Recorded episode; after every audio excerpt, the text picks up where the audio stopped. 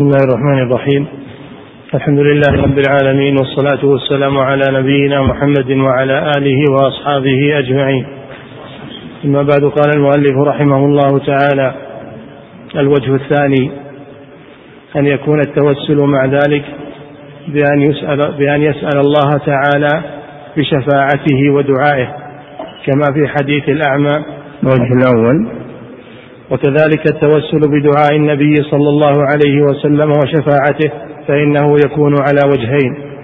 أحدهما أن يطلب منه الدعاء والشفاعة فيدعو ويشفع كما كان يطلب منه في حياته وكما يطلب منه يوم القيامة حين يأتون آدم ونوحا ثم الخليل ثم موسى الكليم ثم عيسى ثم يأتون محمدا صلوات الله عليهم وسلامه فيطلبون منه الشفاعة.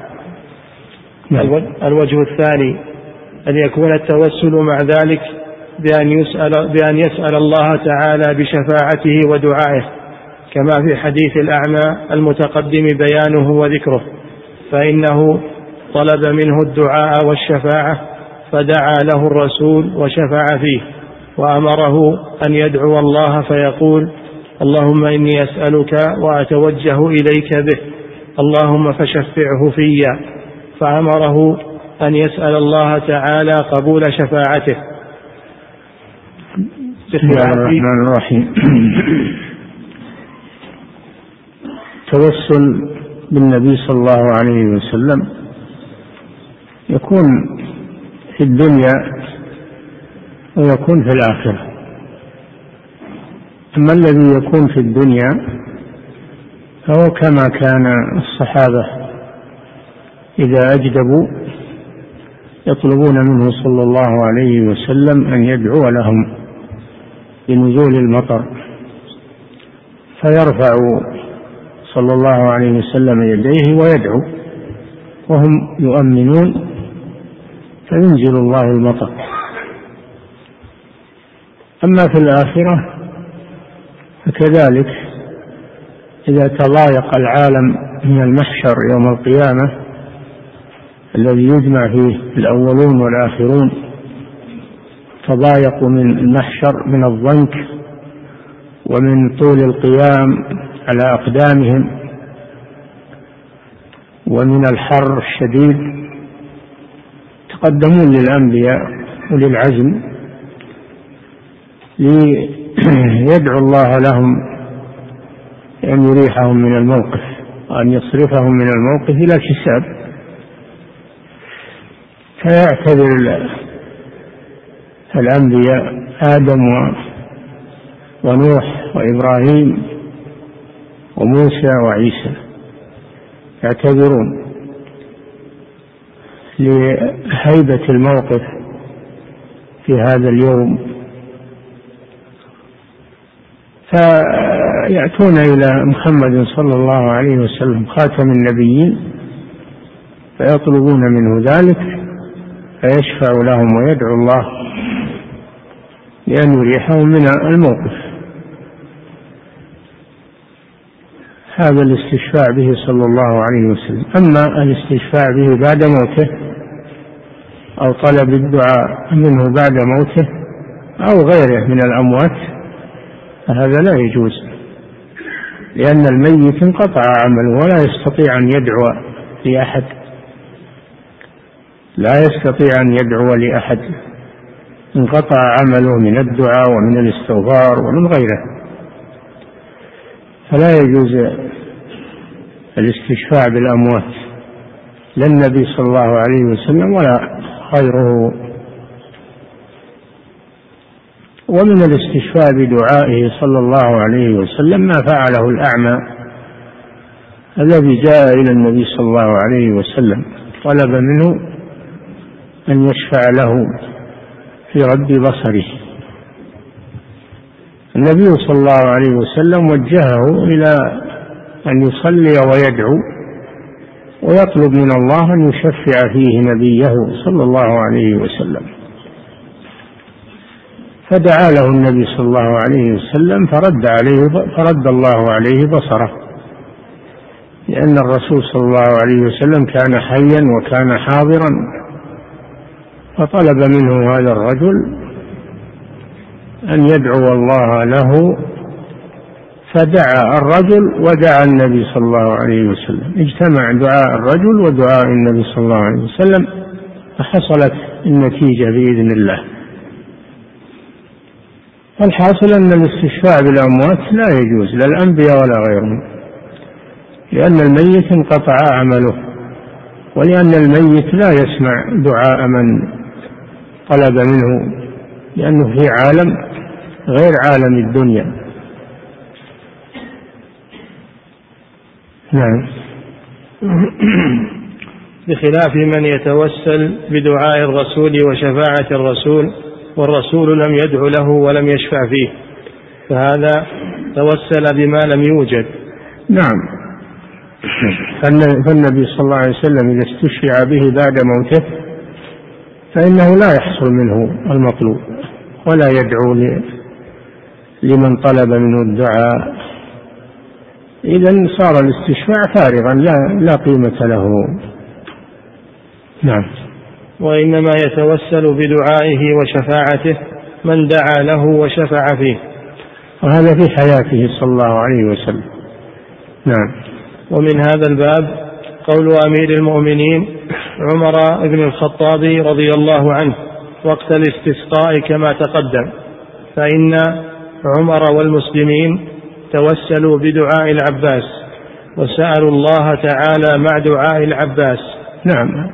فلو كان الاستشفاع بالرسول صلى الله عليه وسلم بعد موته ولو كان طلب الدعاء منه بعد موته جائزا أو نافعا لما عدل الصحابة عن الرسول إلى العباس لأن الرسول أفضل من العباس ولكن لما كان الميت لا يطلب منه شيء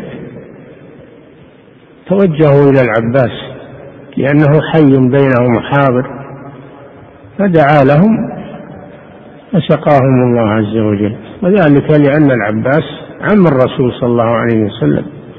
يمتاز بالقرابة من الرسول صلى الله عليه وسلم. وقال هذا عمر قال كنا نستشفع إليك بنبيك كنا. يعني يوم كان الرسول صلى الله عليه وسلم حيا. وإنا نتوسل إليك بعم نبيك. فالقرابة لها فضل بلا شك مع الإيمان. فهذا وجه كون الصحابة عدلوا عن الرسول صلى الله عليه وسلم إلى العباس. وفيه دلالة على أن الميت لا يطلب منه شيء لا الأنبياء ولا غيرهم وإنما هذا خاص بالأحياء. نعم هذا واضح جدا. نعم. فإن عمر والمسلمين توسلوا بدعاء العباس وسألوا الله تعالى مع دعاء العباس فإنهم استشفعوا جميعا ولم يكن العباس وحده هو الذي دعا لهم. فصار دعوا جميعا لكن قدموا العباس لقرابته من رسول الله صلى الله عليه وسلم. فكذلك الذي يطلب الدعاء من من إخوانه لا لا يتكل على هذا. هذا سبب من الأسباب بل يدعو هو بنفسه لأن الدعاء عبادة. فلا تقول يدعو, يدعو لفلان وتترك أنت الدعاء. ادعو مع دعاء فلان. كما كان الصحابة دعوا مع العباس. نعم. فصار التوسل بطاعته والتوسل بشفاعته كل منهما يكون مع دعاء المتوسل وسؤاله. ولا يكون بدون ذلك. نعم. فهم مع الرسول صلى الله عليه وسلم ومع العباس لم يتوقفوا عن الدعاء بل إنهم دعوا مع الرسول ودعوا مع العباس ولم يتكلوا على دعاء الغير. نعم. وصار التوسل بطاعته والتوسل بشفاعته كل منهما يكون مع دعاء المتوسل وسؤاله ولا يكون بدون ذلك فهذه أربعة أنواع كلها مشروعة. لا ينازع النوعان الأول عن الوجه الأول والوجه الثاني وأيضا دعاء الأعمى ودعاء الصحابة مع العباس. نعم. فهذه أربعة أنواع كلها مشروعة. لا ينازع في واحد منها أحد من أهل العلم والإيمان. لأنها موافقة للكتاب والسنة. نعم.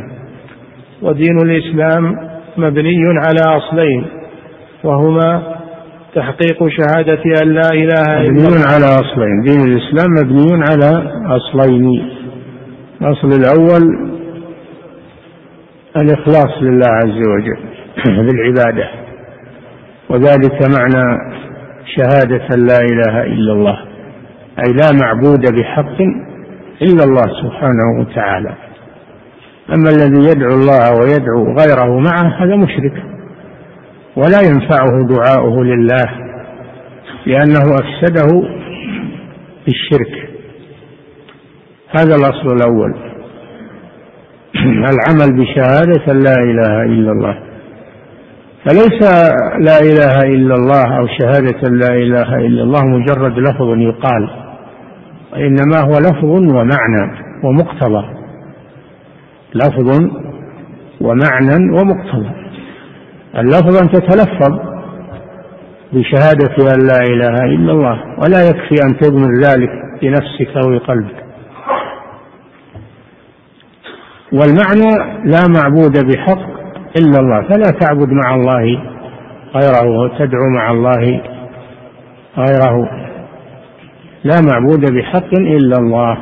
هذا المعنى. المقتضى أن تعمل بهذا المعنى ما يقتضيه هذا المعنى فتفرد الله جل وعلا بالعبادة. هذا الأصل الأول. الأصل الثاني اتباع الرسول صلى الله عليه وسلم. فلا تحدث بدعا ومحدثات وإنما تكون على الاتباع والاقتداء. قام الإسلام على هذين الأصلين الإخلاص لله والمتابعة للرسول صلى الله عليه وسلم. وبدون هذين الأصلين لا يتحقق الإسلام. لا الذي يشرك مع الله ويخل بالأصل الأول ولا الذي يبتدع ويخل بالأصل الثاني. لا بد من هذا. نعم. ودين الإسلام مبني على أصلين وهما تحقيق شهادة أن لا إله إلا الله. تحقيق ما هو المقصود اللفظ العادي من التحقيق. تحقق ما نطقت به. تحقق ما نطقت به. بأن لا تعبد إلا الله عز وجل. نعم. وهما تحقيق شهادة أن لا إله إلا الله. ما قال لفظ التلفظ بلا إله إلا الله؟ ما قال التلفظ قال تحقيق. لأن التلفظ وحده لا يكفي لا بد من التحقيق. نعم. وهما تحقيق شهادة أن لا إله إلا الله وأن محمدا رسول الله. اي نعم. فلا إله إلا الله هذا هو الأصل الأول الإخلاص. ومحمد رسول الله هذا هو الأصل الثاني وهو المتابعة وعدم الابتداع. نعم. وهما تحقيق شهادة أن لا إله إلا الله وأن محمدا رسول الله. الذي يشهد أنه رسول الله. يجب عليه أن يتبع.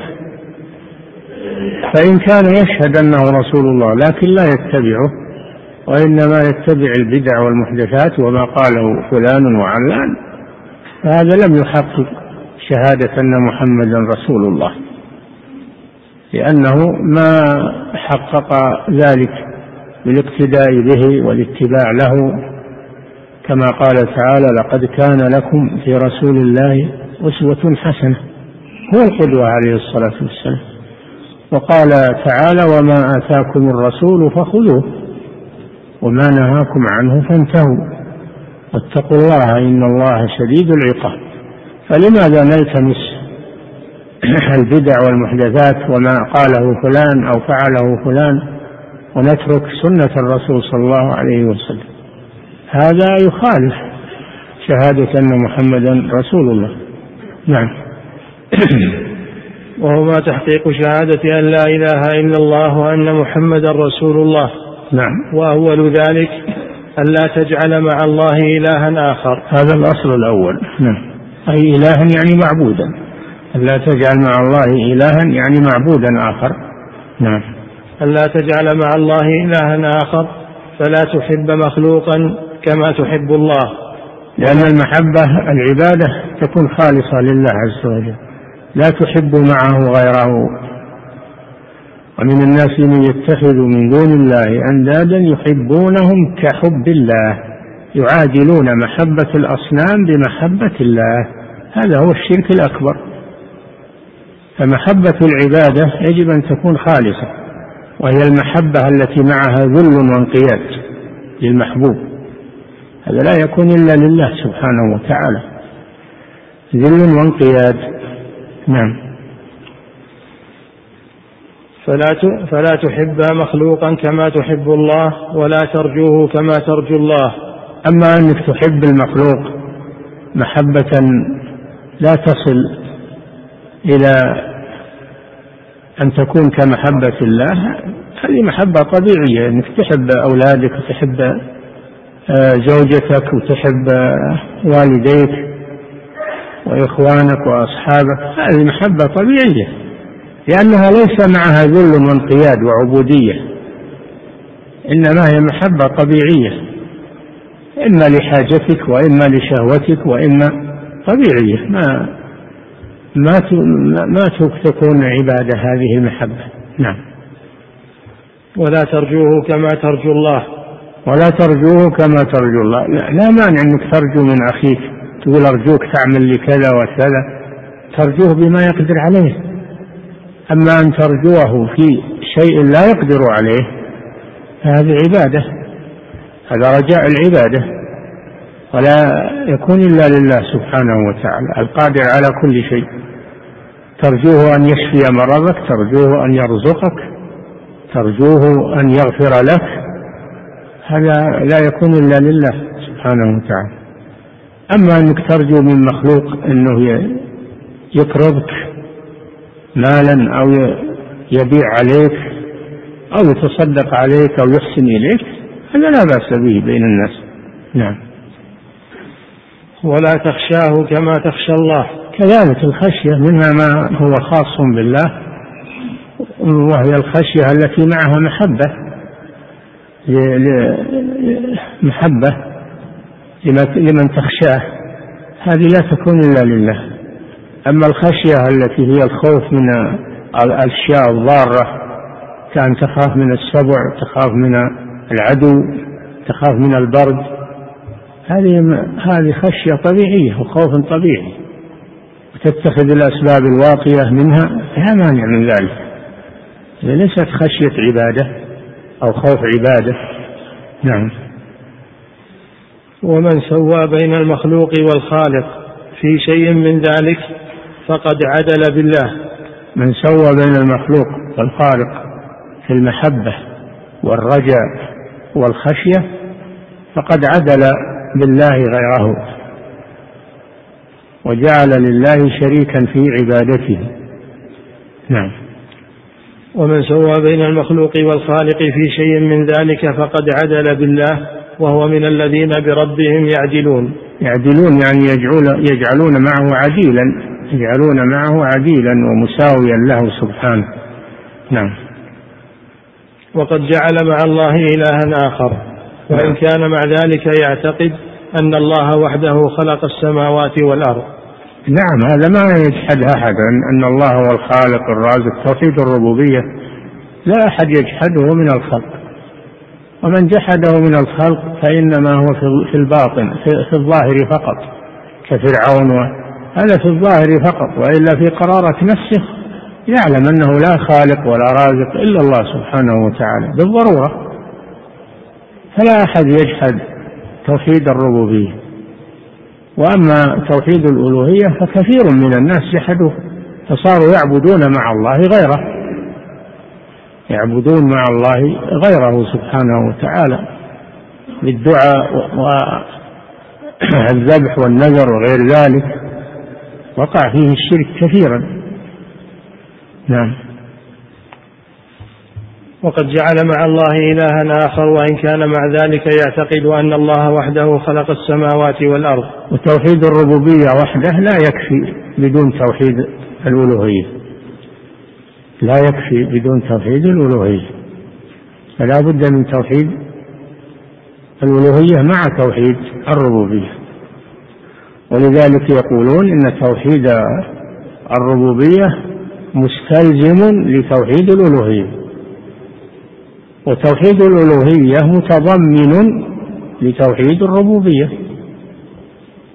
نعم.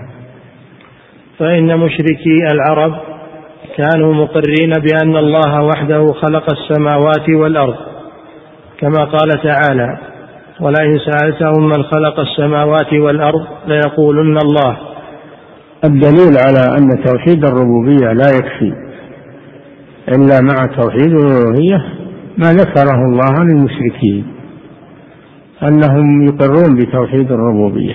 قل من رب السماوات السبع؟ رب العرش العظيم. فسيقولون لله. ولئن سألتهم من خلق السماوات والأرض ليقولن الله.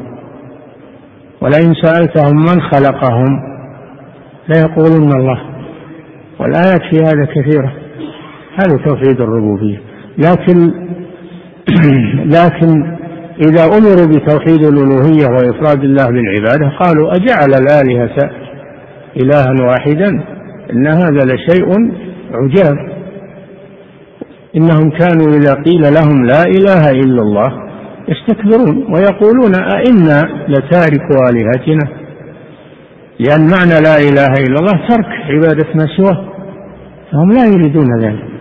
يقرون لله بالربوبية لكن لا يقرون له بالألوهية ويستنكرون هذا. جعل الآلهة إلها واحدا أئنا لتارك آلهتنا لشاعر مجنون يعنون الرسول صلى الله عليه وسلم. بل جاء بالحق وصدق المرسلين. كل المرسلين على هذا يأمرون بتوحيد الألوهية. يأمرون بإفراد الله بالعبادة. وليس محمد صلى الله عليه وسلم هو المنفرد بالأمر بتوحيد الألوهية بل كل الرسل. ما أرسلنا من قبلك من رسول إلا نوحي إليه أنه لا إله إلا أنا فاعبدون. كل الرسل. نعم. فإن مشركي العرب كانوا مقرين بأن الله وحده خلق السماوات والأرض. كما ذكر الله ذلك في سورة يونس وفي سورة الزمر وغيرها من القرآن مملوء من من توحيد الألوهية مملوء. لا تكاد سورة تخلو من ذكر توحيد الألوهية لأن المشركين جحدوه. نعم. وذكر توحيد الربوبية في القرآن إنما هو للاستدلال به على توحيد الألوهية وإلزامهم بذلك. كيف تقرون أن الله هو الخالق الرازق المحيي المميت وأن أحدا لا يخلق ولا يرزق ومع هذا تعبدون معه غيره ممن لا يخلق ولا يرزق؟ أفمن يخلق كمن لا يخلق؟ أفلا تذكرون؟ نعم. كما قال تعالى ولئن سألتهم من خلق السماوات والأرض ليقولن الله. وكانوا مع ذلك مشركين يجعلون مع الله آلهة أخرى. كانوا مع إقرارهم بتوحيد الربوبية مشركين في الألوهية يدعون مع الله آلهة أخرى وهم يعترفون لله بتوحيد الربوبية. نعم. وكانوا مع ذلك مشركين يجعلون مع الله آلهة أخرى. قال تعالى أئنكم لتشهدون أن مع الله آلهة أخرى قل لا أشهد. قل إنما هو إله واحد. فهم يشهدون أن مع الله آلهة أخرى. لكن لا يشهدون أن مع الله ربا آخر. ما قالوا إن, إن أحدا خلق شيئا من السماء أو من الأرض أو من البحار أو من ما قالوا هذا؟ يعترفون أن الخالق هو الله وحده. نعم. وقال تعالى ومن الناس من يتخذ من دون الله أندادا يحبونهم كحب الله والذين آمنوا أشد حبا لله. نعم لأن هؤلاء يحبون الله لكن يحبون معه غيره فصاروا مشركين. الذين آمنوا يحبون الله وحده ولا يحبون معه غيره الذين آمنوا أشد حبا لله.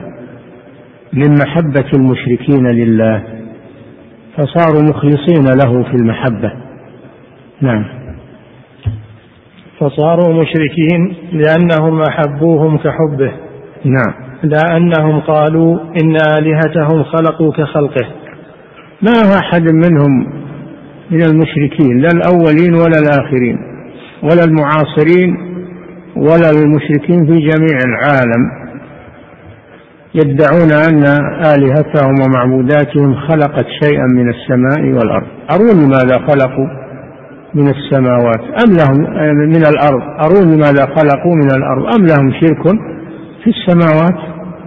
أروني تحداهم. ما أجابوا؟ قالوا والله شوف الجبل الفلاني ولا البحر الفلاني هذا خلقها فلان أو علان. ما قالوا هذا انقطعوا. والتحدي باقي إلى يوم القيامة. تحدي القرآن لهم باق إلى يوم القيامة. هل يعبدون القبور والأضرحة والصور والتماثيل؟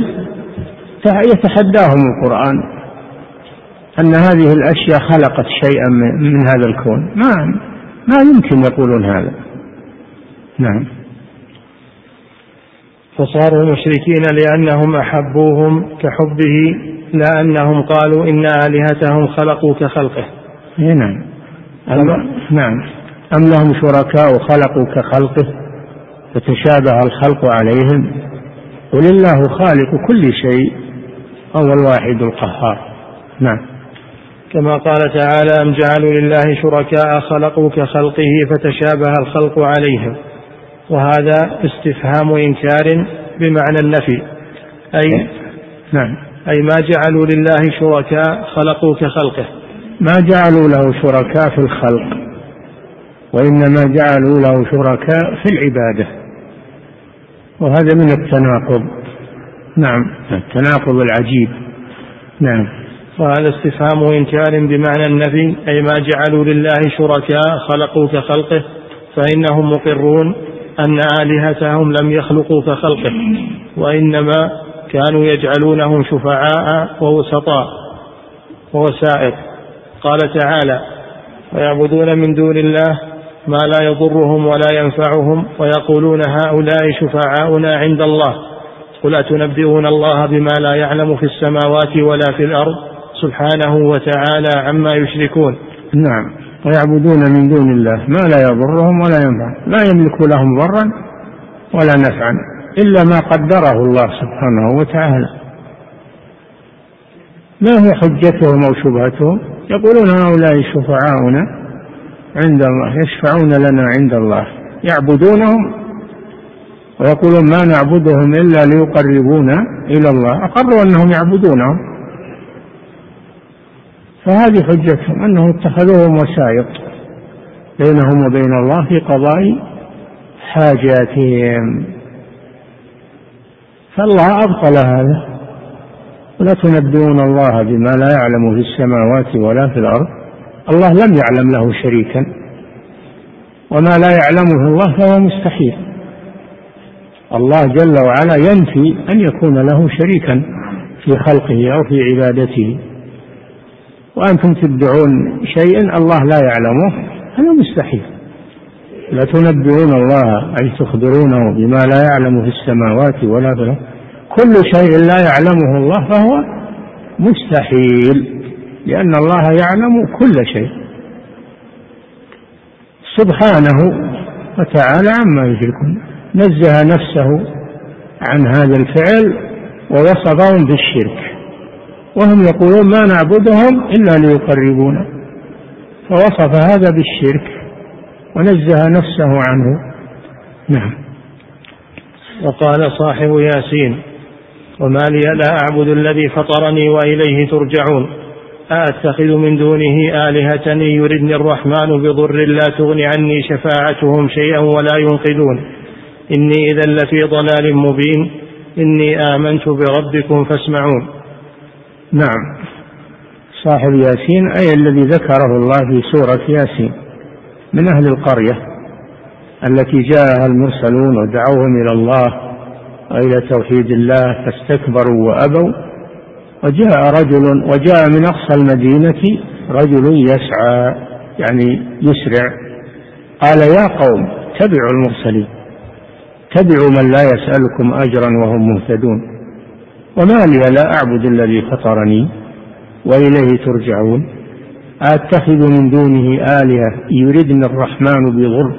لا تغني عني شفاعتهم شيئا ولا ينقذون. إني إذا لفي ضلال مبين. إني آمنت بربكم فاسمعون. قيل ادخل الجنة. قتلوه. قتلوه فأدخله الله الجنة. أدخله الله الجنة. قال يا ليت قومي يعلمون بما غفر لي ربي وجعلني من المرسلين وجعلني من الم... بما غفر لي ربي وجعلني من المكرمين. وجعلني من المكرمين. قال الله جل وعلا وما أنزلنا على قومه من بعده من جند من السماء وما كنا منزلين. إن كانت إلا صيحة واحدة فإذا هم خامدون. صاح بهم الملك صيحة واحدة صاعقة قطعت قلوبهم. ولا احتاجوا إلى جيوش ومدرعات وطائرات ودبابات صيحة واحدة فإذا هم خامدون عن آخرهم. حتى ما صيحات متعددة. صيحة واحدة قضت عليهم. نسأل الله العافية.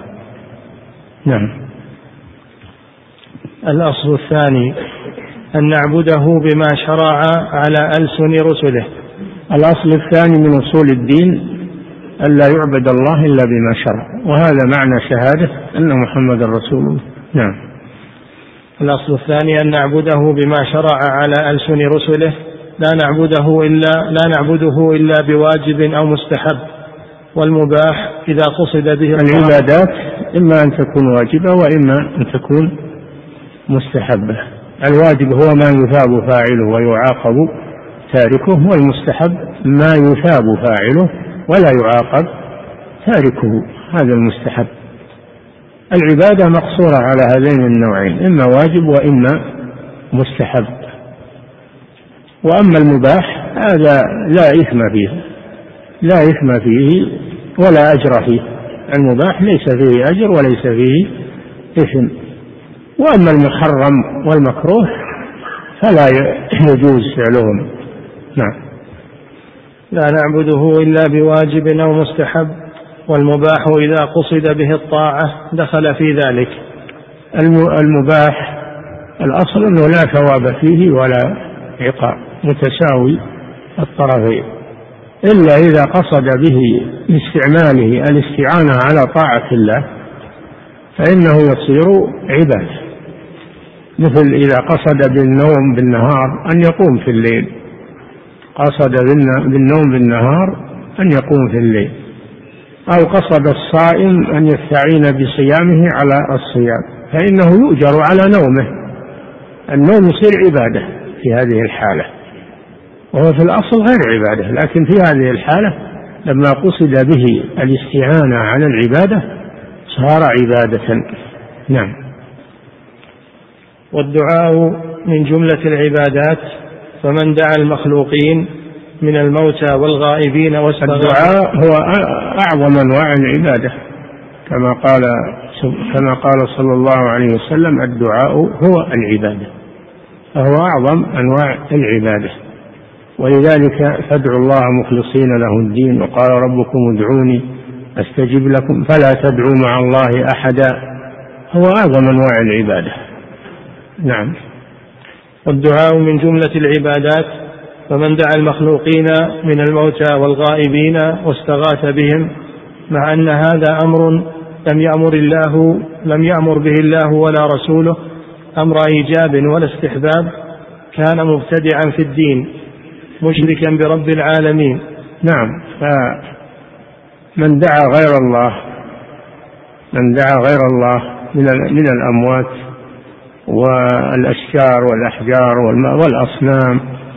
من دعا غير الله فإنه جمع بين أمرين الابتداع في الدين لأن هذا دين لم يشرعه الله والشرك بالله عز وجل.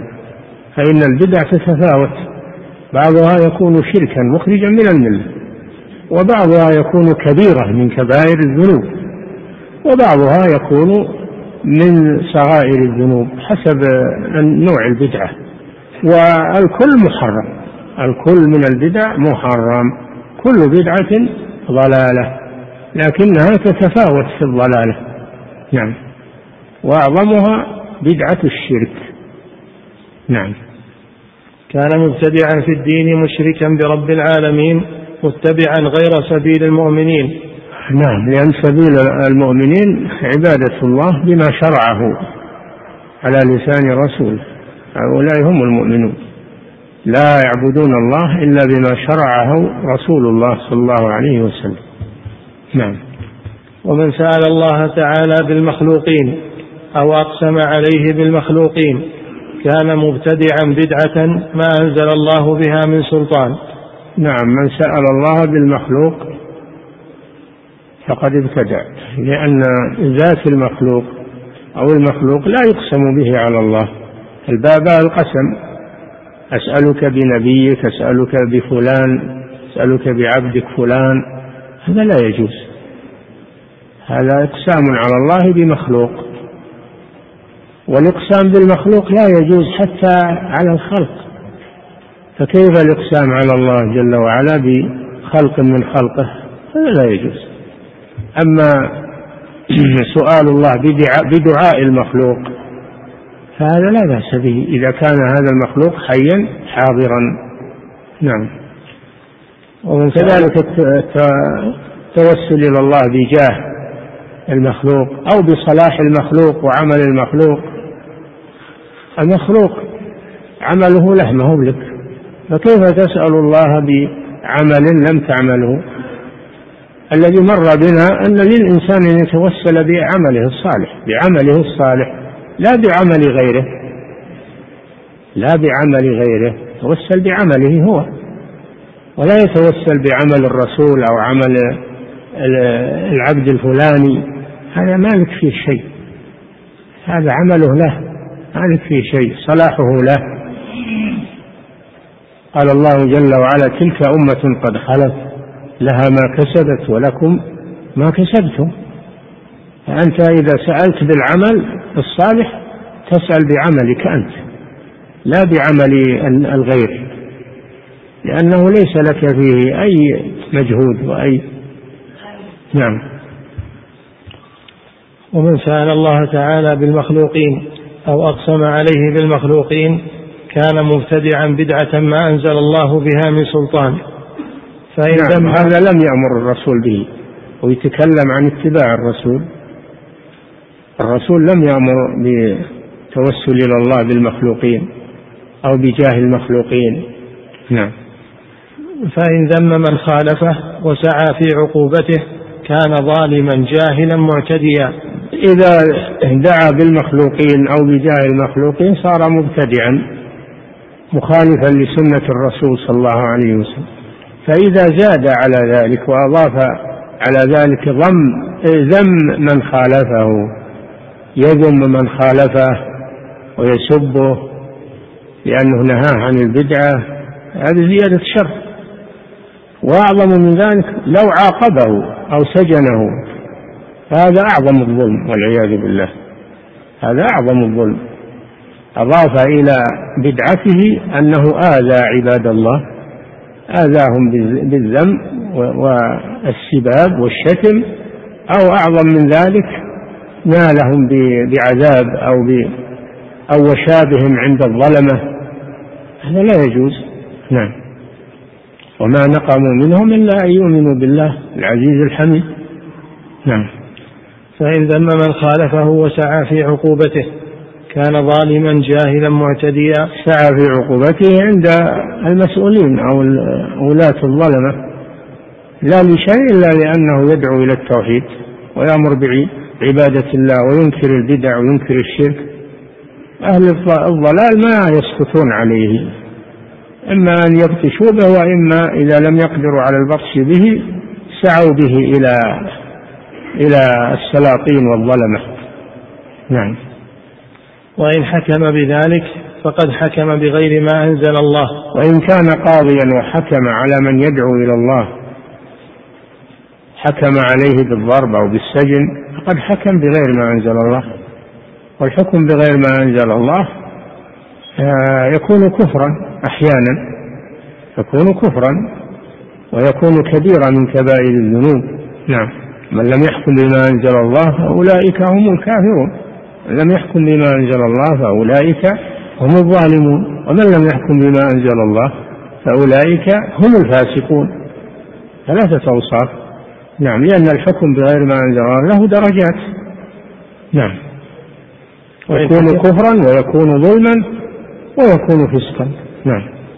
وإن حكم بذلك فقد حكم بغير ما أنزل الله وكان حكمه منقوضا بإجماع المسلمين. نعم لا يجوز إمضاء هذا الحكم لأن حكم ظالم مخالف لما أنزل الله عز وجل فإن ما أنزل الله مساعدة دعاة التوحيد والناهين عن الشرك لا منعهم وظلمهم. نعم وعقوبتهم. نعم هذا من فعل فرعون. قال لئن اتخذت إلها غيري ليجعلنك من المسجونين. يتهدده. يعني ما عنده حجة إلا القوة فقط. نعم. لما أفحمه بالحجة قال لا أجعلنك من المسجونين. نعم. وكان حكمه منقوضا بإجماع المسلمين وكان إلى أن يستتاب من هذا الحكم ويعاقب عليه أحوج منه إلى أن ينفذ له هذا الحكم ويعان عليه.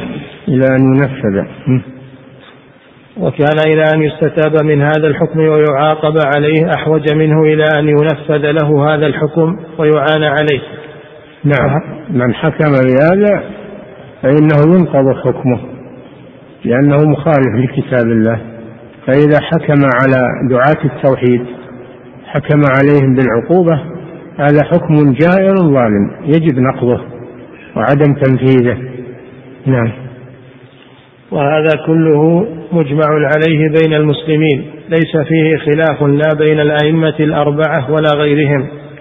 نعم. وقد بسط الكلام على هذه الأمور في مجلدات. نعم. من جملتها مصنف ذكرنا فيه قواعد تتعلق بحكم بحكم الحكام وما يجوز لهم الحكم فيه وما لا يجوز. هذا والله أعلم كتاب السياسة الشرعية. في إصلاح الراعي والرعية. يعني تكلم فيه واستفاض فيه. نعم. وهو مؤلف مفرد يتعلق بأحكام هذا الباب لا يحسن إيراد شيء من فصوله ها هنا لإفراد الكلام في هذا الموضع على قواعد التوحيد ومتعلقاته. نعم. وسيأتي إيراد ما اختصر منه. نعم. وحررت فصوله في ضمن أوراق مفردة يقف عليها المتأمل. لمزيد الفائدة ومسيس الحاجة إلى معرفة هذا الأمر المهم. يعني وهو الحكم بغير ما أنزل الله. نعم. ومسيس الحاجة إلى معرفة هذا الأمر المهم وبالله التوفيق. وكنت وأنا بالديار المصرية في سنة إحدى عشرة وسبعمائة قد استفتيت عن التوسل بالنبي صلى الله عليه وسلم فكتبت في ذلك جوابا مبسوطا. وقد أحببت إراده ها هنا لما في ذلك من مزيد الفائدة. نعم. فإن هذه القواعد المتعلقة بتقرير التوحيد وحسم مادة الشرك والغلو كلما تنوع بيانها ووضحت عباراتها ووضحت عبارتها فإن ذلك نور على نور والله المستعان. نعم. فينبغي الإكثار من تأليف في التوحيد والنهي عن الشرك وتوضح مسائل وتبسط ويجاب عن الشبهات التي يريدها هؤلاء.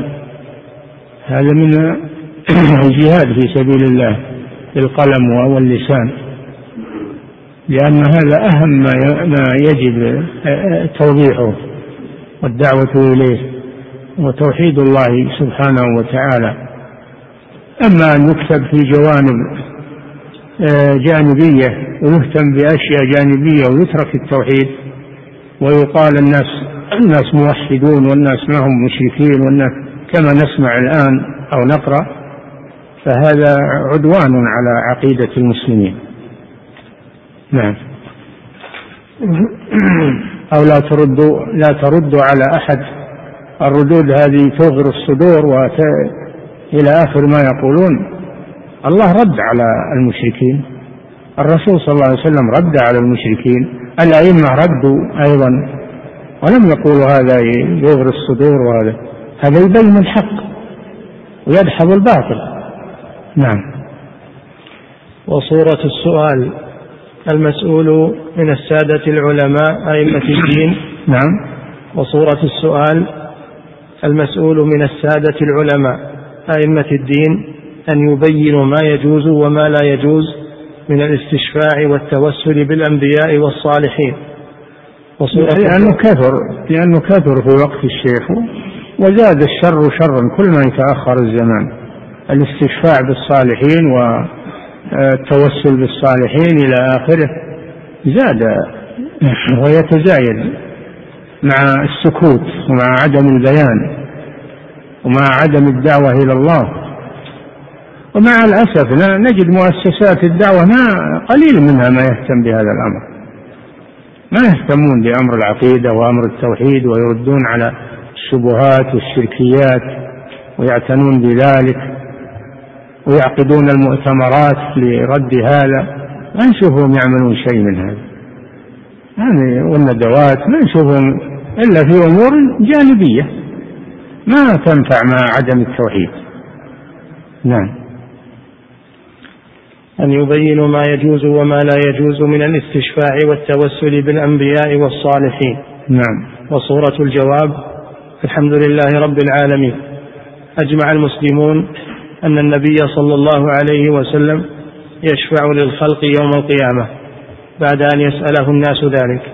نعم هم هم هم يشوشون ويشبهون على الناس بالشفاعة. يقولون نحن يقولون هؤلاء شفعاؤنا عند الله. هذه الكلمة ما هي بالذين مضوا. ماضي إلى إلى آخر الزمان. وهؤلاء إنما يقولون نحن ما نعبدهم وإنما نتخذهم شفعاء عند الله. يذبحون لهم ينذرون لهم ويستغيثون بهم. ويقولون هؤلاء شفعاؤنا عند الله. يعبدونهم ويقولون هؤلاء شفعاؤنا عند الله. ما هو هذا شرك هذا تشفع توسل. الشفاعة مفصلة في الكتاب والسنة. سيبينها الشيخ لكم. نعم. أجمع المسلمون أن النبي صلى الله عليه وسلم يشفع للخلق يوم القيامة بعد أن يسأله الناس ذلك وبعد أن يأذن الله له في الشفاعة. ثم النبي صلى الله عليه وسلم لا شك أنه يشفع وهو أعظم الشفعاء عليه الصلاة والسلام. فيشفع للخلائق كلهم يوم القيامة. الشفاعة العظمى التي يتأخر عنها أولو العزم ويتقدم لها هو صلى الله عليه وسلم. ويكرمه الله جل وعلا بقبول شفاعته اظهارا لشرفه على الخلق.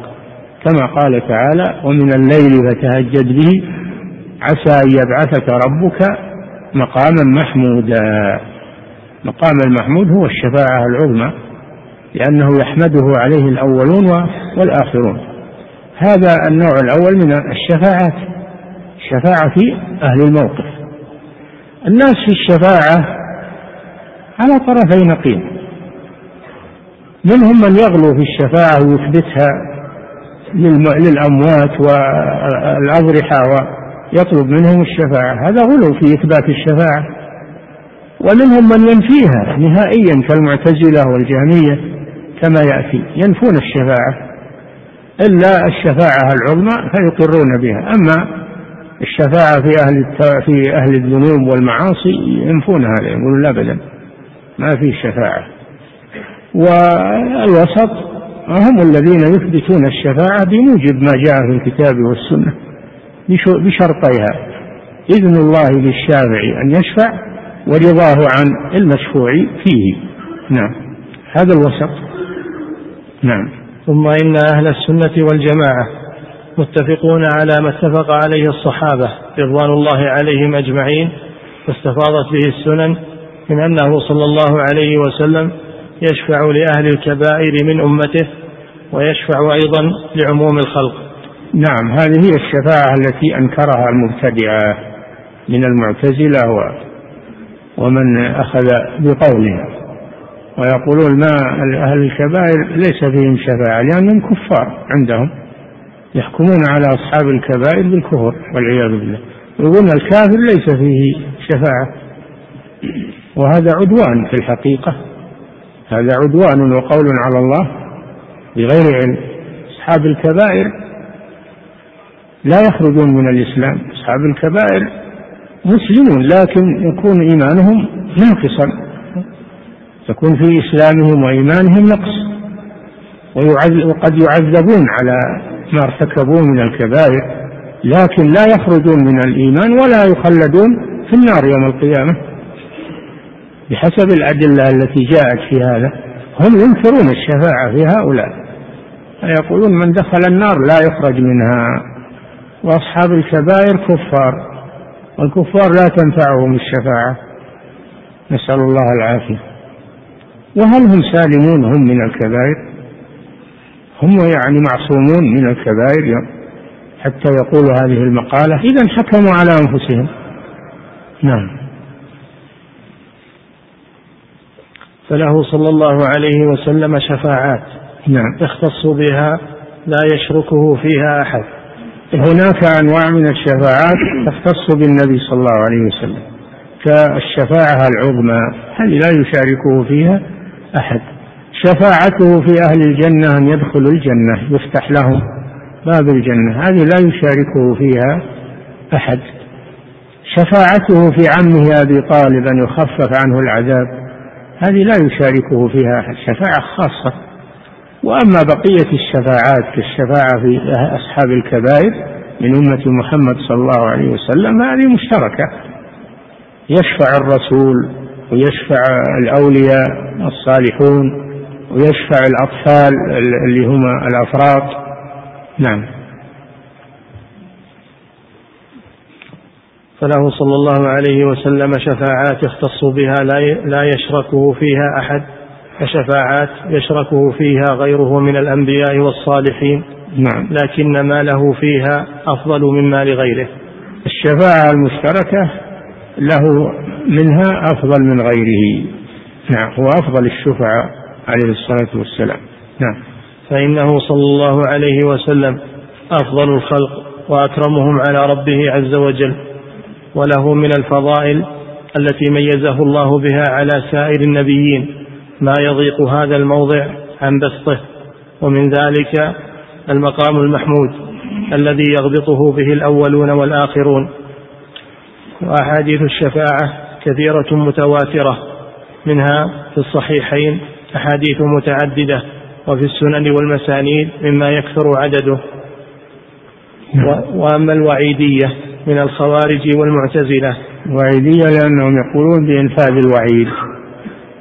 نعم. وأما الوعيدية من الخوارج والمعتزلة فزعموا أن الشفاعة إنما هي للمؤمنين خاصة خاصة في رفع الدرجات وبعضهم يعني الشفاعة في المؤمنين خاصة برفع درجاتهم في الجنة. الرسول يشفع في رفع درجات المؤمنين في الجنة. أما النار فلا يشفع الرسول صلى الله عليه وسلم في إخراج المؤمنين منها. هذا أصحاب الوعيد. نعم. وبعضهم أنكر الشفاعة مطلقا. هذا الجانب الآخر. نعم. نعم. وأجمعوا على أن الصحابة كانوا يستشفعون به. نعم, و... نعم. وأجمعوا. لا قبل وأما الوعيدية من الخوارج والمعتزلة زعموا أن الشفاعة إنما هي للمؤمنين خاصة في رفع الدرجات. يعني لا لا تنال من دخل النار من أصحاب الكبائر إنما هي في أهل الجنة فقط لرفع منازلهم.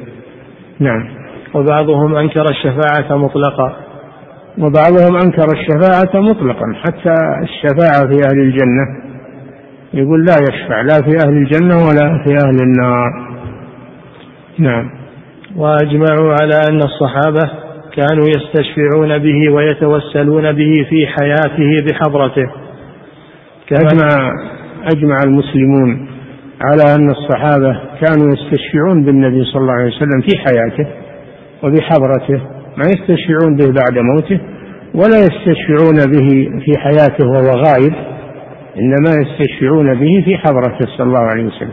كما مر بكم أنهم إذا أجدبوا طلبوا من الرسول صلى الله عليه وسلم أن يدعو الله لهم هذا استشفاع لدعائه صلى الله عليه وسلم. نعم. وأجمعوا على أن الصحابة كانوا يستشفعون به ويتوسلون به في حياته بحضرته. يتوسلون به يعني بدعائه كما مر بحضرته صلى الله عليه وسلم. نعم. في حياته بحضرته كما ثبت في صحيح البخاري عن أنس بن مالك أن عمر بن الخطاب كان كان إذا قحط إذا قحطوا استسقى بالعباس بن عبد المطلب استسقى بالعباس بن عبد المطلب فقال اللهم إنا كنا إذا أجدبنا نتوسل إليك بنبينا فتسقينا وإنا نتوسل إليك بعم نبينا فأسقنا فيسقون. نعم بدعائه. لأنه قال قم يا عباس فادعو فبين أن المراد بالتوسل هنا التوسل بدعائه دعائه رضي الله عنه. نعم. وفي البخاري أيضا عن ابن عمر أنه قال ربما ذكرت قول الشاعر وأنا أنظر إلى وجه النبي صلى الله عليه وسلم يستسقي فما ينزل حتى يجيش كل ميزاب. وأبيض يستسقى الغمام بوجهه ثمال اليتامى عصمة للأرامل. هذا بيت من لامية أبي طالب التي قالها في حصار الشعب لما حاصروهم وتخلى عنه أقاربه. وجماعته وأسلموهم للحصار قال هذه اللامية العظيمة التي منها هذا البيت يمدح الرسول صلى الله عليه وسلم. نعم. وأبيض يستسقى الغمام بوجهه ثمال اليتامى عصمة للأرامل والتوسل بالنبي صلى الله عليه وسلم الذي ذكره عمر بن الخطاب قد جاء مفسرا في سائر أحاديث الاستسقاء. انتبهوا أن التوسل ليس معنى التوسل بذاته وإنما هو التوسل بدعائه لا بذاته ولا بجاهه. نعم. والتوسل بالنبي صلى الله عليه وسلم الذي ذكره عمر بن الخطاب قد جاء مفسرا في سائر أحاديث الاستسقاء وهو من جنس الاستشفاع به وهو أن يطلب منه الدعاء والشفاعة ويطلب من الله أن يقبل دعاءه وشفاعته. نعم والاستشفاء في سائر أحاديث الاستسقاء وهو من جنس الاستشفاع به. نعم. وهو أن يطلب منه الدعاء والشفاعة. يطلب. وهو أن يطلب منه الدعاء والشفاعة. نعم. ويطلب من الله أن يقبل دعاءه وشفاعته. نعم. ونحن نقدمه بين أيدينا شافعا وسائلا لنا. بأبي هو وأمي صلى الله عليه وسلم. نعم. وكذلك معاوية ابن أبي سفيان رضي الله عنه. كذلك الصحابي الجليل الآخر معاوية بن أبي سفيان أمير المؤمنين. أيضا فعل مثل ما فعل عمر. استسقى بدعاء الأسود بن يزيد الجرشي. نعم. كذلك معاوية بن أبي سفيان رضي الله عنه لما أجدب الناس بالشام استسقى بيزيد ابن الأسود الجرشي فقال اللهم إنا نستشفع أو نتوسل بخيارنا يا يزيد ارفع يديك. فرفع يديه ودعا ودعا الناس حتى سقوا. نعم والأسود بن يزيد هذا تابعي من التابعين ومن العباد الصالحين نعم. ولهذا قال العلماء يستحب أن يستحب أن يستسقى بأهل الدين والصلاح. بمعنى أن يطلب منهم الدعاء أهل الدين والصلاح لأنهم أقرب إلى الإجابة. نعم. يستحب أن يستسقى بأهل الدين والصلاح وإذا كانوا من أهل بيت رسول الله صلى الله عليه وسلم فهو أحسن. نعم إذا اجتمع الصلاح والدين مع القرابة للرسول صلى الله عليه وسلم فهو أحسن كما في العباس رضي الله عنه. نعم. وهذا الاستشفاع والتوسل حقيقته التوسل بدعائه فإنه كان التوسل بدعائه لا بذاته أو بجاهه كما يقوله المبتدعة نعم.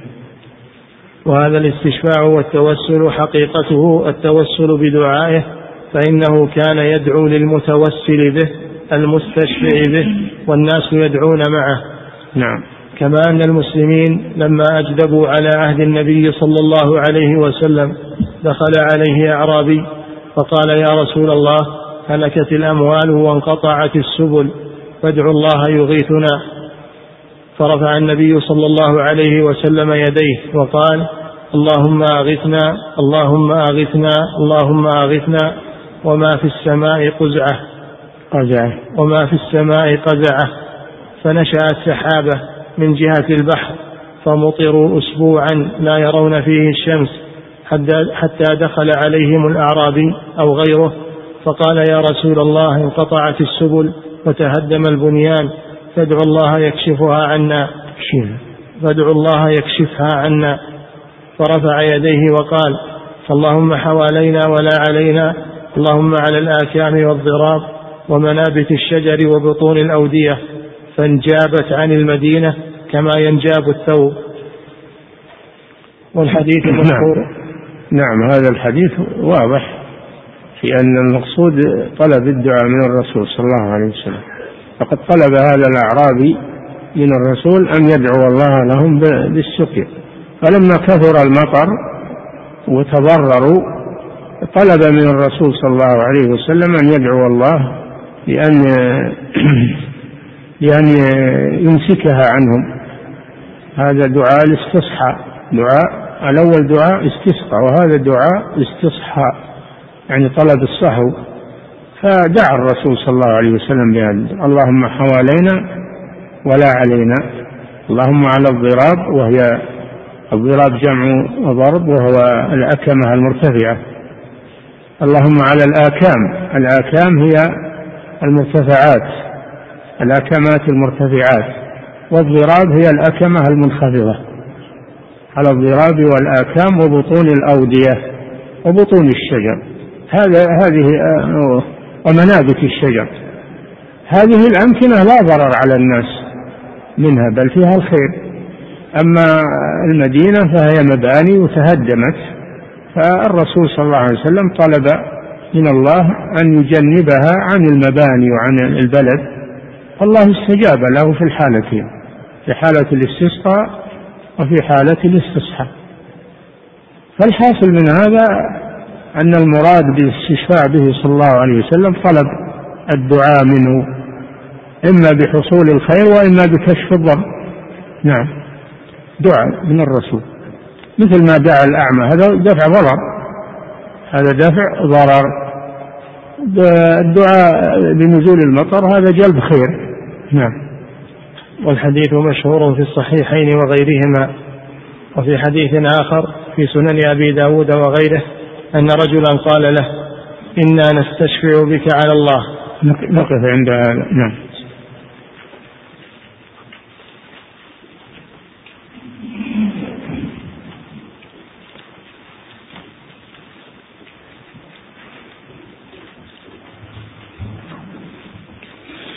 يقول فضيلة الشيخ وفقكم الله هل حب الولد مثل حب مثل حب الله أو أكثر من حب الله أو أكثر من حب الله يعتبر شركا؟ لا يجوز هذا. قل إن كان آباؤكم وأبناؤكم وإخوانكم وأزواجكم وعشيرتكم إلى قوله تعالى أحب إليكم من الله ورسوله فلا تقدم محبة أحد على محبة الله ورسوله. لا يجوز هذا. تربصوا حتى يأتي الله بأمره. نعم.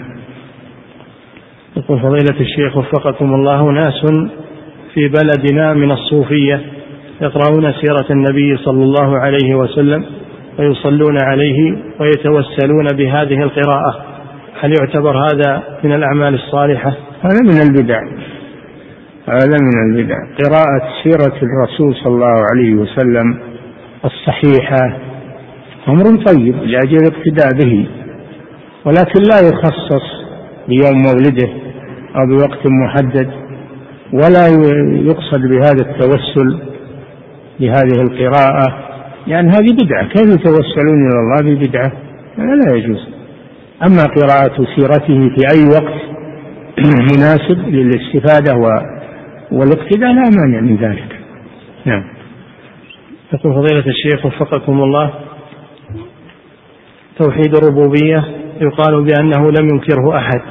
فهل الدهرية يقولون بتوحيد الربوبية؟ يقولون به في قرارة أنفسهم لأن كل عاقل يعترف أن هذا الخلق لا بد له من خالق. كل عاقل كل من فيه عقل يعترف أن هذا الخلق لا بد له من خالق. ولا وليس هناك خالق غير الله سبحانه وتعالى. هذا تعترف به الفطر كله. لكن من الناس من يتلفظ بهذا ويظهر ومنهم من يكتمه في نفسه ويجحده في الظاهر كالدهرية والملاحدة. وإلا ما في عاقل يقول أن هذه المخلوقات وجدت بدون خالق أبدا. أم خلقوا من غير شيء؟ أم هم الخالقون؟ أم خلقوا السماوات والأرض؟ بل لا يوقنون. فما في عاقل يقول إن شيء يوجد بدون موجد ومخلوق بدون خالق ابدا. نعم. يقول فضيلة الشيخ وفقكم الله ما الراجح في تفسير قول الله سبحانه الذين آمنوا أشد حبا لله؟ هل معناه أشد حبا لله من المشركين لآلهتهم أو من قولا قول الأول والذين آمنوا أشد حبا لله من حب المشركين لله لأن محبة المؤمنين خالصة ومحبة المشركين مشتركة. والقول الثاني أن المشركين لا يحبون الله أبدا وإنما يحبون أصنامهم كما يحبون الله عز وجل. ومن الناس من يتخذ من دون الله أندادا يحبونهم كحب الله يعني يحبون أصنامهم فقط. محبة تساوي محبة الله محبة المؤمنين لله عز وجل. نعم.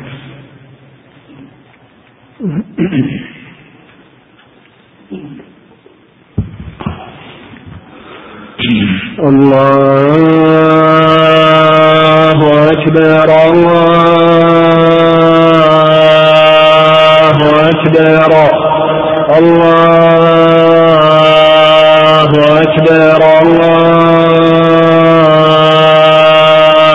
أكبر. أشهد أن لا إله إلا الله. أشهد أن لا إله إلا الله. أشهد أن محمد رسول الله. أشهد أن محمد رسول الله. حي على الصلاة حي على الصلاة حي على الفلاح حي على الفلاح. الله أكبر الله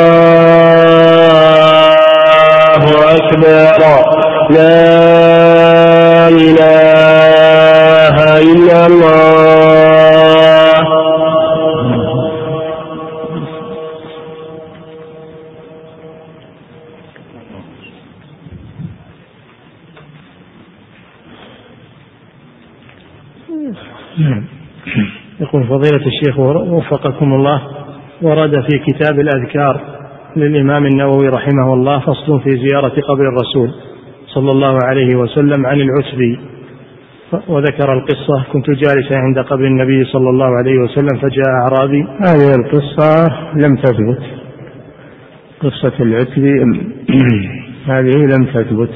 وكون النووي ذكرها هذا خطأ. ابن كثير ذكرها مع الأسف في تفسيره. ولم يعقب عليها وصاحب المغني ذكرها لكن مجرد الذكر لا يكفي لا بد من مع من صحة السند وثبوته أما مجرد الذكر هذا لا يكفي. نعم. يقول فضيلة الشيخ وفقكم الله من يقول إن توحيد الربوبية مستلزم ومتضمن لتوحيد الألوهية. وكذلك لا هو متضمن. هو متضمن. مستلزم فقط. يعني يلزم منه يلزم من يلزم من أقر بالربوبية أن يقر بتوحيد الألوهية لزوم. فإذا لم يقر معناه ترك اللازم. ترك اللازم. المتضمن توحيد الألوهية متضمن لتوحيد الربوبية. يعني أن توحيد الربوبية داخل في توحيد الألوهية. فمن عبد الله وأخلص العبادة له فإنه يتضمن أن الله أنه أنه اعترف أن الله ربه. تضمنا. نعم. لأن الدلالة على أنواع. دلالة مطابقة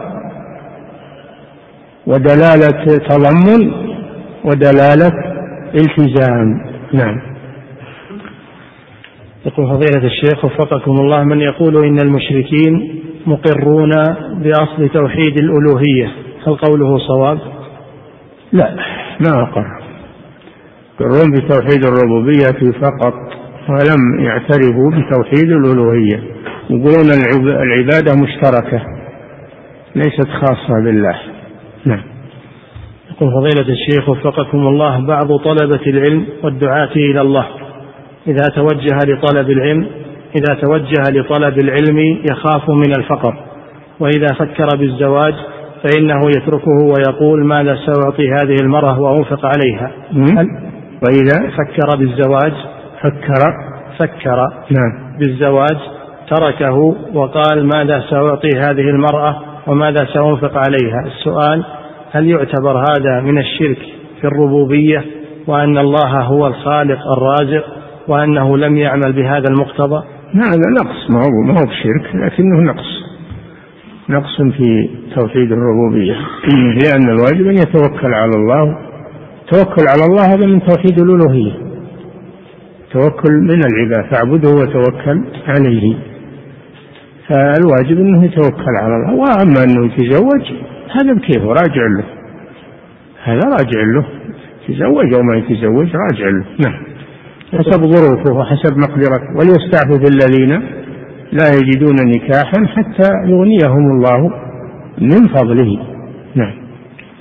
يقول فضيلة الشيخ وفقكم الله بعض الرسائل التي ترسل عبر الجوال تكون على هذا الوجه أسأل ربي بعدد من لبى وهلل وكبر أن يسقيك من الكوثر إلى إلى غير ذلك.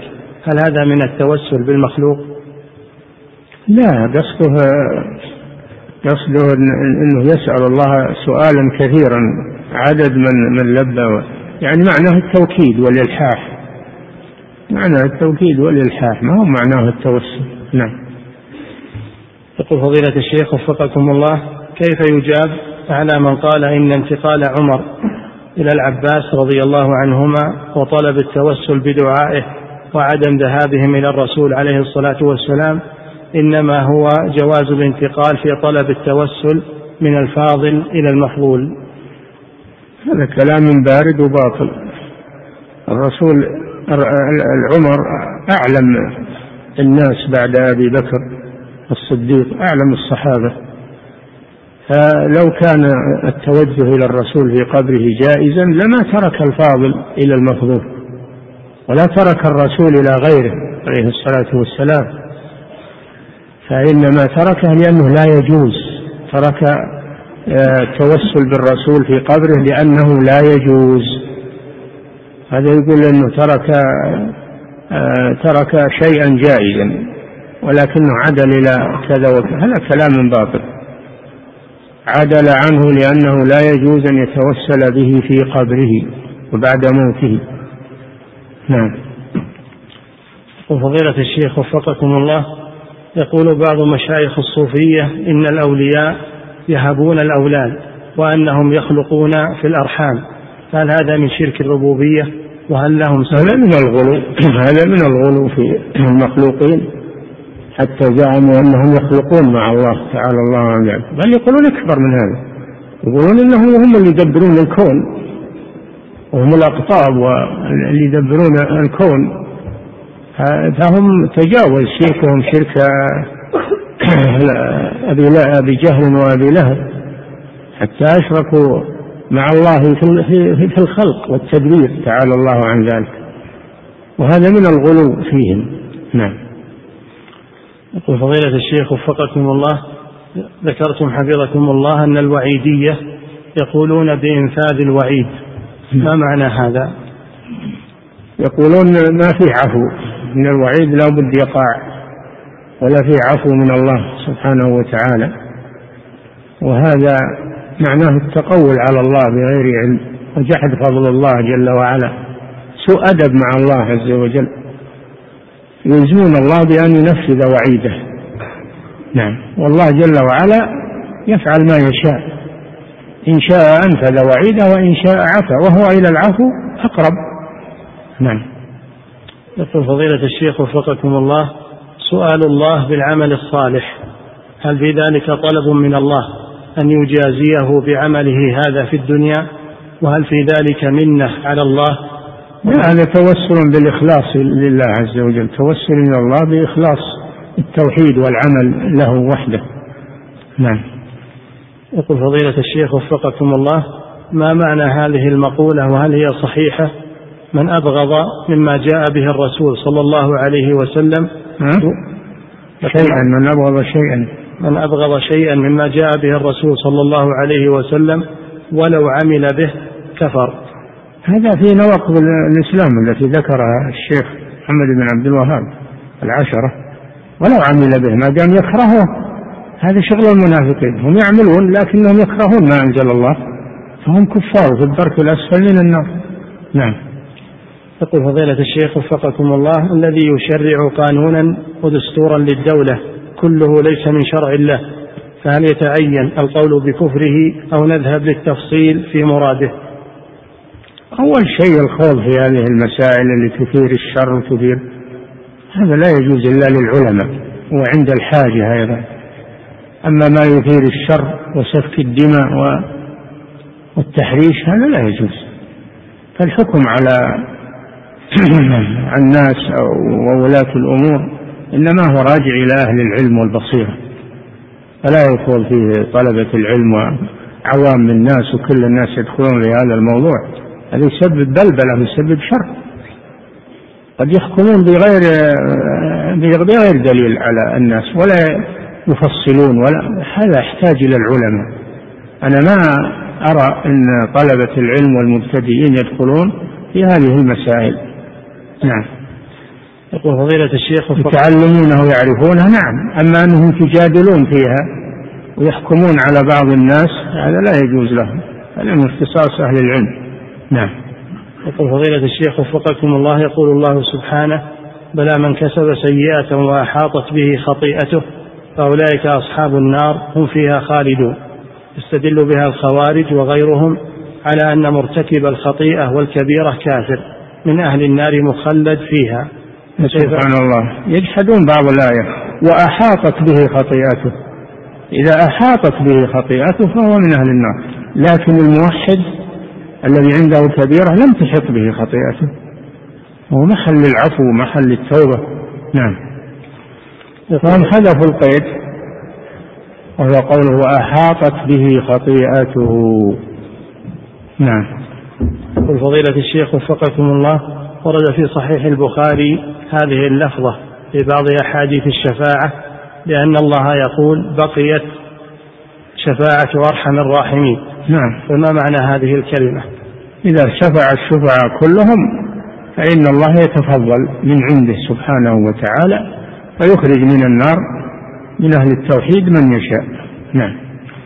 يقول فضيلة الشيخ وفقكم الله هناك بعض الفقراء في بلادنا من جنسيات أخرى ويستحقون الزكاة أو الصدقات. يقول هناك بعض الفقراء في بلادنا من جنسيات أخرى يستحقون الزكاة والصدقات.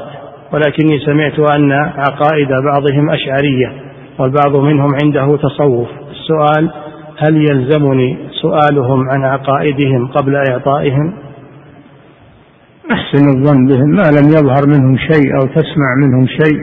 وهم يصلون ويصومون و وهم فقراء. أعطهم ولا تسألهم عن عقائدهم. إلا إذا ظهر منهم شيء. إذا ظهر منهم شيء يقتضي الكفر والشرك. أما ما داموا عصاة أو عندهم نوع من الخطأ فلا فلا يمنع هذا إعطاءهم الزكاة. نعم. يقول فضيلة الشيخ وفقكم الله سمعت في إذاعة القرآن أنه من لحن في قراءة الفاتحة بقوله أهدنا بالنصب عوض أن يقول اهدنا لم تصح صلاته. نعم هذا يغير المعنى لأن الإهدى غير الهداية. الإهدى يبي هدية والهداية يبي دلالة وإرشاد وتثبيت على الحق. يختلف المعنى هذا يغير المعنى. نعم إذا كان في الصلاة فإنه يبطلها. إلا إذا كان لا يحسن القراءة ولا يحسن غير هذا. تصح صلاته لكن يجب عليه أن يتعلم الفاتحة في المستقبل. نعم. يقول فضيلة الشيخ وفقكم الله خسف القمر قبل ليلتين وقد اجتهد أئمة المساجد حيال هذا الأمر والخسوف حصل قبيل أذان الفجر الثاني بربع ساعة فقط. منهم من بادر وصلى ونادى بالصلاة إلى أذان الفجر ومنهم من انتظر ثم صلى بالجماعة بعد الأذان وقبل صلاة الفجر ومنهم من صلى الفجر ثم صلى بالجماعة الخسوف حتى أشرقت الشمس. فما هو الصحيح في ذلك؟ الصحيح أنها تصلى قبل طلوع الفجر أما إذا طلع الفجر فإنه لا القمر انتهى القمر حينئذ انتهى أثره. ونوره فلا يصلى للكسوف إنما يصلى إذا كان هناك حاجة إلى القمر قبل طلوع الفجر. نعم. يقول فضيلة وعلى كل حال من صلى واجتهد نرجو الله أن يثيبه وأن ينفع أن ينفعه بما عمل لكن ينبغي التفقه في دين الله ومعرفة الأوقات وأوقات الصلوات. نعم. يقول فضيلة الشيخ وفقكم الله. ذكر أحد الإخوة أنكم أفتيتم بجواز الصلاة جالسا في الطائرة لصلاة الفريضة مع القدرة على القيام. فهل هذه مع القدرة لا. مع القدرة لا يجوز. القيام ركن. لكن إذا عجز عن القيام يصلي جالسا. نعم. في الطائرة وفي غيرها. إذا عجز عن القيام يصلي جالسا في الطائرة وفي غيرها. نعم. يقول فضيلة الشيخ وفقكم الله ماذا يفعل من يأتيه شك في إيمانه بين الحين والحين الآخر؟ يستعيذ بالله من الشيطان ولا يلتفت للشك. لا يلتفت للشك ويستعيذ من الشيطان. نعم. انتهى. نعم. انتهى. الله تعالى أعلم وصلى الله وسلم على نبينا الله أكبر.